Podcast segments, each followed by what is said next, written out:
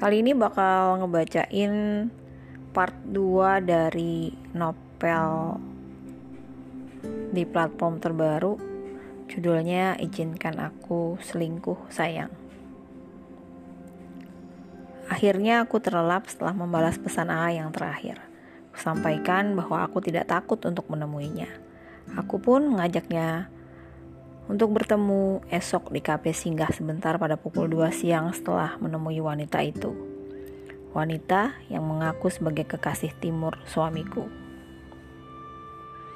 Alarm membangunkanku terlewat 15 menit dari waktu sholat subuh. Bantal guling di sebelahku sudah tertata rapi, menunjukkan pemiliknya pasti sudah bersiap membaca berita pagi atau mendengarkan kuliah subuh. Kami sudah tidak pernah lagi salat bersama. Baginya, kita jalan masing-masing. Kubasuh wajah dan seluruh bagian wajib wudhu, membaca doa, kemudian beranjak menuju ruangan kecil yang kami jadikan musola. Sebenarnya kami berpisah kamar, tetapi Timur sedang melakukan renovasi di dua kamar lainnya.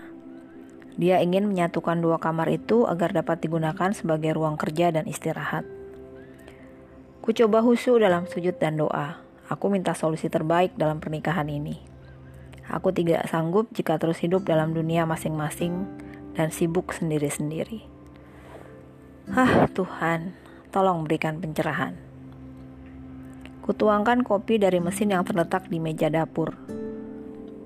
Aku bergerak menuju meja makan. Sebentar lagi Timur pasti bergabung. Dia akan menunggu roti dengan selai kacang yang biasa kuhidangkan. Kusiapkan semuanya seperti biasa.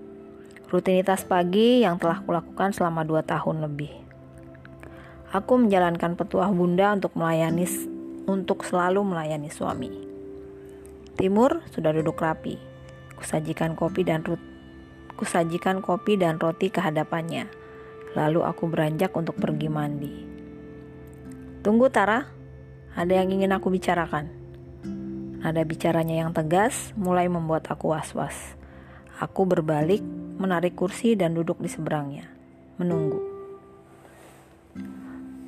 Bisakah kamu tidak bermain HP sebelum tidur? Itu menggangguku. Aku mengerutkan alis, membuatnya bersatu di tengah-tengah. Bersalaman di pangkal hidung. Kupikir ada hal lain yang penting yang mengganggunya. Ternyata Oke, kalau kamu merasa terganggu, kenapa kamu saja yang tidak tidur di sofa? Aku tantang kedua matanya dengan tatapan yang lebih tajam. Tidak, tidak, punggungku sakit jika tidur di sofa. Pokoknya, saat aku sudah masuk ke kamar tidur, kamu harus berhenti memainkan ponsel. Aku perlu istirahat. Pekerjaanku banyak. Hah? Memangnya hanya dia yang punya pekerjaan banyak? Pekerjaan apa? Pekerjaan bersama kekasihnya itu. Kesibukannya mengkhianati aku. Ke mana satu tahun keromantisannya dulu? Terserah. Yang pasti jika obrolanku belum selesai aku tidak bisa melepas HP. Aku berdiri dan berlalu meninggalkannya menuju kamar mandi. Pukul 7 tepat aku harus sudah berada di kantor akan ada diskusi tentang kompetensi minimal siswa. Lembaga belajar yang kumiliki memang harus melakukan penjaminan mutu. Aku tidak boleh telat demi citra yang baik di depan asesor. Aku sudah rapi dengan blazer biru dongker dan celana kapri yang panjangnya hingga mata kaki. Rambutku yang cukup panjang kugulung modern. Aku mencari Timur untuk berpamitan. Walau tanpa cium tangan, setidaknya dia tahu aku pergi. Yuk, dia muncul dari ruang kerja dengan baju yang sudah rapi. Apa?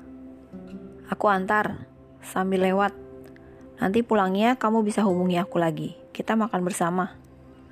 Mataku melebar menatapnya. Wah, tidak. Aku pergi sendiri saja, naik motorku. Gak usah diantar. Tapi Ra, kusambar kunci di gantungan, bergegas menuju garasi. Tumben sekali hari ini dia ingin mengantarku. Sudah setahun lebih dia tidak pernah melakukannya. Mendadak kecurigaan muncul di pikiran. Jangan-jangan dia perlu persetujuanku atas sesuatu.